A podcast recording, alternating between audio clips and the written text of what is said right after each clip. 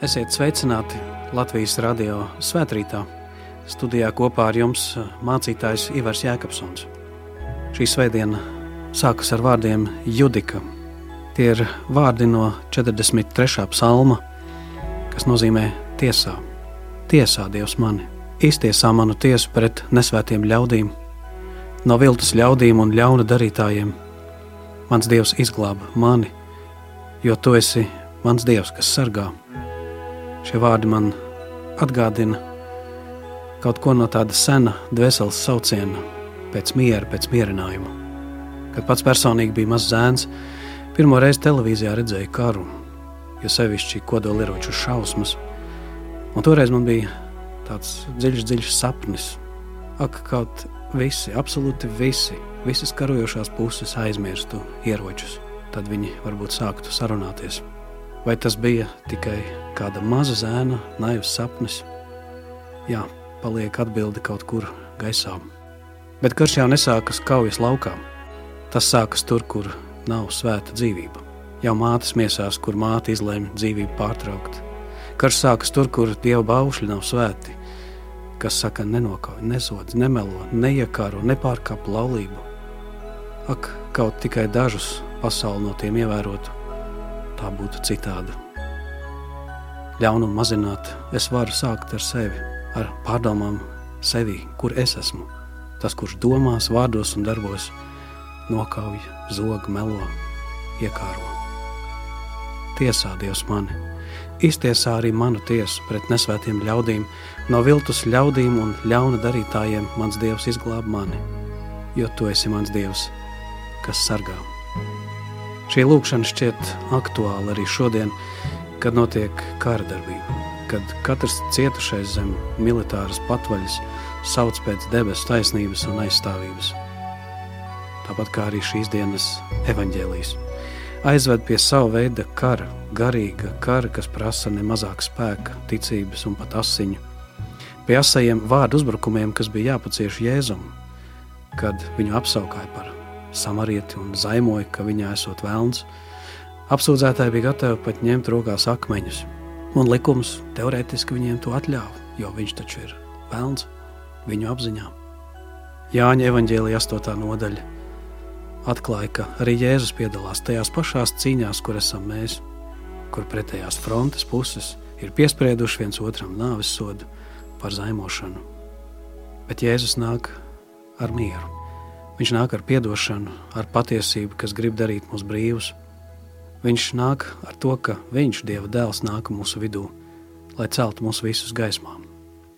Tur Jāņa evanģēlija 8. nodaļā, vienā fragmentā no šīs dienas evanģēlija teksta, Jēzus atbild: Patiesi, es jums saku, es esmu pirms vēl Ābrahāms tapa. Lai Dievs svētī mūs šī viena teikuma patiesībā, kuru varētu mēs šai brīdī pārdomāt mazliet vairāk. Jo tieši šis teikums atklāja Jēzus būtību, kas varētu ienest gaismu, kur mēs varētu nākt pie kāda stipra pamata, kas vieno, kas dziedina. Un proti, tas jautājums ir, ko Jēzus domāja, sakot ar šo es esmu pirms Ābrahams tapa. Šis viens teikums var būt saprasts tik dažādi.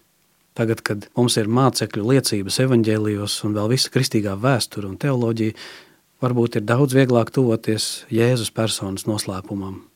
Tomēr, jo vairāk personu, jo šķiet vairāk viedokļu. Ak, ja būtu iespējams parunāt ar Jēzu pašu, ja būtu iespējams parunāt kaut ar viņa draugiem, varbūt pat ar viņa māti, kas droši vien viņu pazina labāk.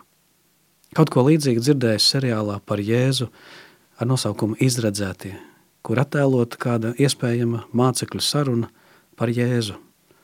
Mācekļu saruna ar Mariju. Marija, ko tu saki? Ko tu domā par savu dēlu? Vai viņš ir Dieva dēls? Zini, viņa saka, man tas tā nav šķitis vienmēr. Ir sevišķi, kad viņš mācījās staigāt, kad bija atkarīgs pilnībā no manis, kad viņam vajadzēja palīdzību, kad bija jāpabaro, nu piedodiet, jānomaina bikses un Tad, kad viņš dzīvoja parasto dzīvi, cilvēks kā cilvēks, nekas vairāk. Un īpaši tad, kad viņš tika sagūstīts, sists un nomira. Cilvēks, tāpat mocīts kā ik viens cits notiesātais. Taču viņa vārdi pie krusta, lūkšana, Tēvs piedod tiem, tas ir neticami. Un kad atceros eņģeli, kas ieradās pie manis nāceretē, un kad atceros, kā Jēzus templī pārsteidza visus rakstu mācītājus vēl 12 gadu vecumā, vēl tagad īsti nespēja aptvert, ko viņš ar ūdeni izdarīja kāzās kānā, un kad viņš paēdināja pūli ar dažām maizēm, kad dziedināja tizlo un spitālīgo, un kad uzmodināja lāceru un satikšanās ar viņu pēc nāves. Tas vairs neatstāja šaubas, kad redzēju savu augšām celto. Viņš ir tas, ko par sevi teica – Dieva dēls. Lūk tāda iespējamā saruna ar Mariju, viņas pieredzē skatoties. Mēdz jau teikt, ka Jēzus jau nekad sev nav apgalvojis, ka viņš esot Dieva dēls, taču tie ir meli. To saka vai nu apzināti citu viedokļu paudēji, vai tie, kas nav lasījuši Bībeli. Jo tieši šīs dienas rakstu vieta mums apgalvo pretējo. Es esmu pirms Ābrahāms tapa. Šis teikums vispirms nozīmē Jēzus būtību pirms laika, pirms vēl viss debesīs un virs zemes. Pie tēva, kā saka ticības apliecības, dzimis mūžībā. Kā arī Jāņa evaņģēlīja beigas saka, ka tas viss ir rakstīts šajā evaņģēlijā, lai jūs ticētu, ka Jēzus Kristus ir Dieva dēls, un lai jums, kas ticat, būtu dzīvība viņa vārdā. Šobrīd, kad visu jāmācās uztvert kritiski un visu pārbaudīt, jautājums ir svarīgs. Kā atšķirt patiesību un taisnību, kad visiem ir viedokļi balss un visi ir eksperti, taču visu šo viedokļu vidū ir vienkārši pieredzes stāsti ar Jēzu, labā vēsts par Jēzu evaņģēlīs, kurā mēs esam aicināti doties iekšā, izsvērt, pārbaudīt, un savā pieredzē skatīt. Liecības Bībelē ir par to, kā Dievs nāca mūsu vidū savā dēlā Jēzu Kristu, un tur ir viss tik cilvēcīgi parādīts, ka sarežģīti bija pat pašam Jēzum pierādīt, kas tad viņš ir. Viņam nebija pase ar ierakstu mesija. Viņam tas bija jāpierāda vārdos, darbos, ar dzīvi, ar nāvi, ar augšām celšanos, un bija tik grūti izkausēt šo ledu, šo priekšstatu ledu šajā tautā, kur tas bija citādāks.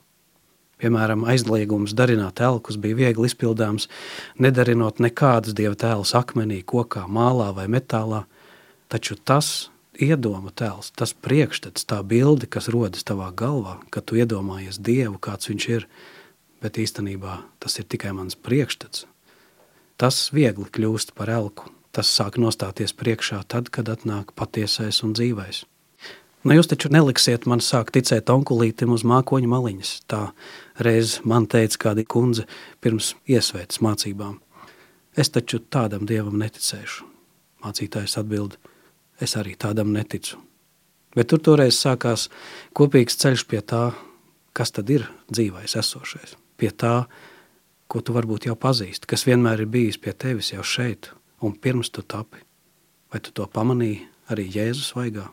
Jēzu, kurš pats teica, ik viens, kas skata dēlu un redz, tas redz arī tēvu.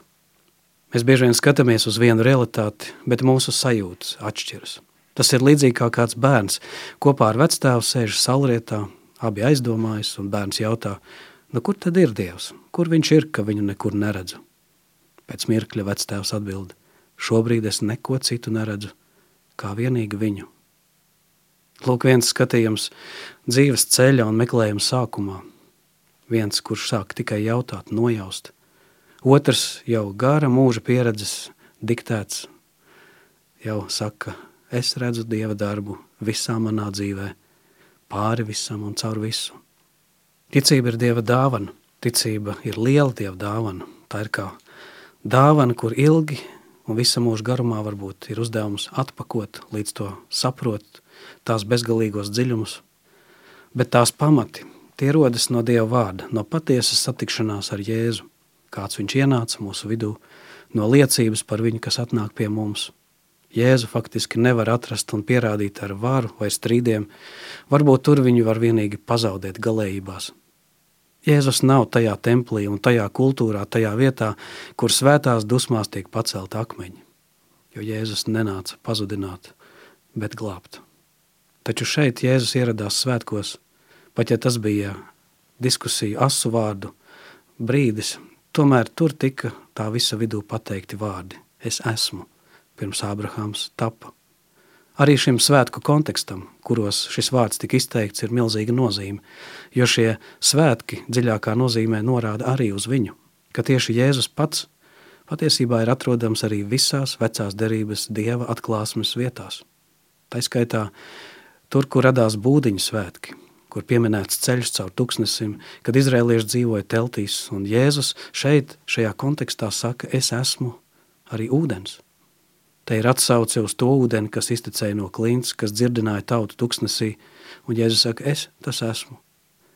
Tālāk Jēzus uzsver, es esmu arī gaisma. Tā ir atsauce uz to gaismu, kas viņus tuksnešu ceļā pavadīja, kad bija tumsa, Dieva likumu gaismu, ko Dievs deva. Jēzus uzsvēra, es esmu dzīvības gaisma. Un tā caur šiem dažādiem es esmu, Jēzus parāda, ka viņš ir arī atbilde un piepildījums un tas klātesošais, kas ir gājis cauri arī visā šajā tā saucamā Ābrahāma pēcnācēja ceļā. Šīs mesijāniskās pretenzijas izraisīja asu reakciju un jautājumus, un te tas sasniedz strīda kulmināciju, kad viņi jautā, par ko tu sevi padara, un viņi ir gatavi ņemt rokās akmeņus pret Jēzu kā zaimotāju viņa acīs. Un lai ko sacītu pretējās frontes, Jēzus patiesība ir viena. Es esmu pirms Ābrahāms tapa. Tas viss evaņģēlī vēstī patiesībā turpināsies jau ar tiešu jautājumu, ko uzdos viņam. Nu, ja tu esi Kristus, tad pasaki to atklāti. Un Jēzus atbildēs, es jau jums teicu, darbi, kurus es daru, tēva vārdā arī liecina par mani. Viņš uzsver, ka viņš ir tas, Arī mūsdienās tas var izraisīt dažādas reakcijas, kad kāds mums piesaka savu identitāti. Nu, es esmu. Arī trakonamā mēs varam atrast dažādus, kas sauc sevi par dievu vai dažādām vēstures personībām. Un tādēļ nereti ir šis jautājums, vai mēs nesakam pareizi, tu esi samarietis un tevi ir apsēdis velns. Ar Jēzu varbūt nebija savādāk, bet tas bija pie tiem, kas viņu nepazīst. Vieniem viņš tiešām bija dievs, bet citiem apsēstais. Un tomēr viņš saka, es esmu pirms Ābrahāms tapa. Mums atliek vien abrīnā un pielūgsmē apstāties šo vārdu priekšā, līdzīgi kā Mūzes to darīja, kurš skatīja reiz degošo krūmu un dzirdēja dievu balsi, novelc apavus, šī vieta, kur tu stāvi, ir svēta zeme. Tāpat kā toreiz atklājās dieva noslēpums, kurā dievs sevi sauca vārdā, es esmu, jeb esošais. Tas ir tas, kā Jēzus sauc sevi arī šeit. Un tas visticamāk arī bija viņš, kas runāja caur šo degošo krūmu. Un tagad mums ir jāapklust šo Kristus vārdu noslēpumu priekšā, jānovelk apavi, jo šo vārdu priekšā atklājas teritorija, kas ir svēta, kur ar parastiem izpratnes zābakiem nedrīkst iebradāt. Patiesi, patiesi es jums saku, es esmu pirms vēl Ābrahāms tapa. Te ir runa par laicīgo un mūžīgo, Te ir tāds pasludinājums, ka būtu jāsaka, es biju vēl pirms Ābrahāma, taču tā nav nepareiza gramatika. Te nav runa par pagātni, bet te ir runa par mūžīgo, kurš vienmēr saka, es esmu. Ar to Jēzus pretstatīja savu mūžīgo eksistenci un pat preeksistenci pirms savas piedzimšanas, ka viņš ir līdzās tēvam mūžībā, kā Jāņa evaņģēlija iesākumā teikts. Vārds, kas bija pie Dieva, lūk, tas, kas bija iesākumā. Viņš tiek salīdzināts ar visas šīs tautas cilts tēvu. Un cilvēcīgi Jēzus ir viens no šī cilts pēctečiem, un tomēr viņa izcelsme, viņa būtība ir mūžīgais. Abrahāms bija trausla, cilvēcīga būtne, Abrahāms nomira, bet Jēzus saka, es esmu, un viņa dzīves stāsts liecina, ka viņš, kas tika satriekts pie krusta, augšām celās trešajā dienā. Un te ir runa par atšķirību starp radību un radītāju. Ābrahāms tapa, bet Jēzus saka, es esmu. Te runā tas, kurš ar tēvu vienāds būtībā dzimis, neradīts, kā liecina nīkais ticības apliecinājums. Kā arī to apstiprina Jāņa evaņģēlijas sākums, caur viņu, caur šo vārdu ir radīts viss, kas ir. Es esmu, tā varēja runāt tikai mūžīgais, kā raksta tēvs Aleksandrs Meņas grāmatā cilvēka dēls – Tas ir Dieva vārds. Es esmu. frāze, kas ir Dieva īpašvārds, Jahve, kas nozīmē tas, kurš ir esošais, tas, kurš liek visam būt radītājs, tas es esmu. Un šo vārdu, ko izrunāja būdiņās augstais priesteris, tagad tas skan no nācariešu lūpām. Līdzīgi kā senie pravieši, viņš stāv cilvēku priekšā, būdams pārpalsaulīga spēka pārpilns. Un tad nu ir jautājums, vai nu viņš ir melis un dieva zaimotājs, vai arī ar viņa muti runā pats dievs. Tā Aleksandrs Meņš, grāmatā cilvēka dēls. Domāju, ka ne tikai caur viņa lūpām šeit runā dievs, bet šeit runā dievs. Es esmu, pirms vēl Ābrahāms tapa. Šī patiesība griežas ausīs, bet Jēzum šī vēsts jānodod ļoti uzmanīgi. Dieva dēls, mesija, cilvēka dēls.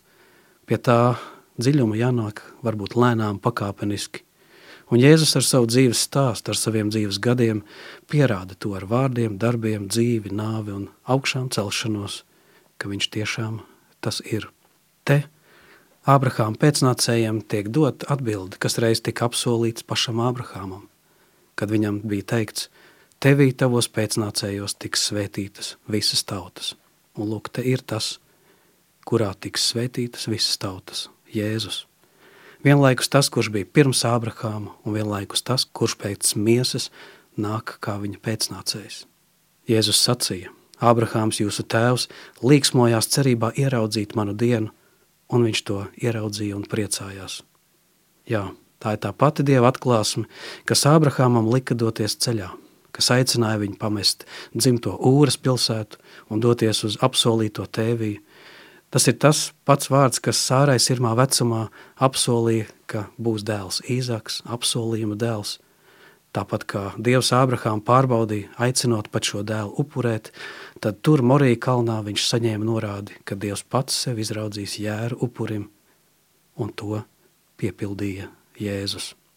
Lūk, Ābrahāms caur dažādiem savas dzīves notikumiem piedzīvoja, kā tiek zīmēta bilde par to, kurš nāks, par to, kurš bija pirms viņa un kurš nāks pēc viņa.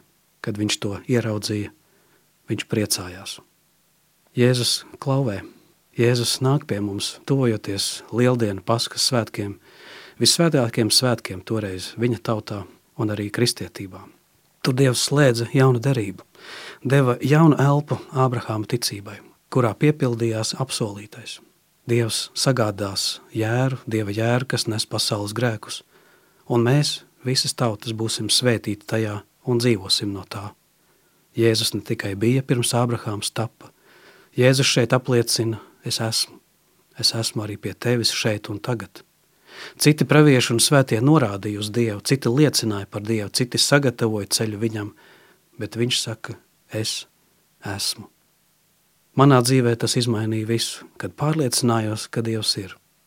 Iepriekš visi vārdi bija tikai viela pārdomām. Tu vari ņemt vērā vai ignorēt, bet ja tu pieredzi, Viņš ir tas.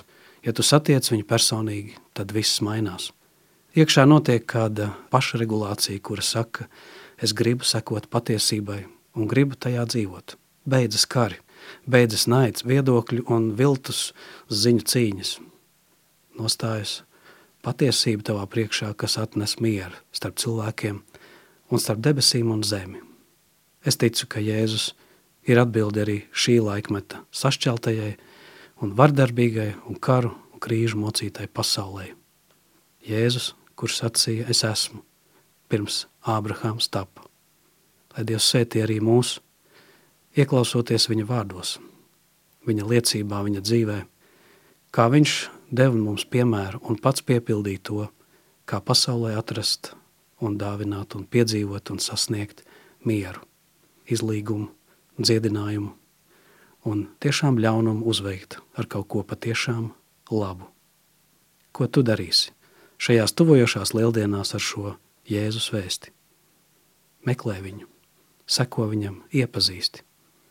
Viņa gaisma, viņa mīlestība ir iepazīšanas vērta, un ja tu jau pazīsti, tad aizvien viņā palikt ir svētīgi un padziļināt to. Ieraudzīt, kas viņš ir tev, kas viņš ir man, kas viņš ir tavai ģimenei, tavai darba vietai, tavai draudzei, tavai zemei, tavai pasaulei. lai Dievs mūs svētī šajā Jēzus žēlstībā. Āmen!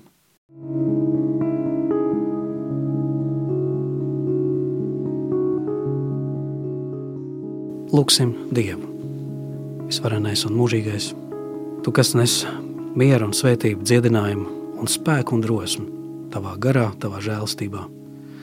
Mēs pateicamies par Jēzu, Tavu dēlu, kas nāca pie mums, lai dziedinātu pasauli. Šajā laikā, kad iespējams ne par ko citu nespējam domāt, kā varbūt par blakus esošo kara darbību un iespējamām sekām šeit, mēs lūdzam lai debesīs mieru atrod Ukrāņu brīvības mocekļi, nevainīgie bērni un sievietes, vīri un katrs kritušais aizstāvis, katrs labas gribas cilvēks, lai tiek svētīts un sargāts, tiešām sargi kaimiņu zem Ukrainu, un savaldi tumsu, varmāku sirdīs, prātos, un dod atmodu arī pašā Krievijas tautā, un atver acis un sirdis arī šeit mums, Latvijā, Eiropā un visā pasaulē. To lūdzam Jēzu, tavā vārdā. Āmen! Studijā kopā ar jums bija mācītājs Ivars Jēkabsons.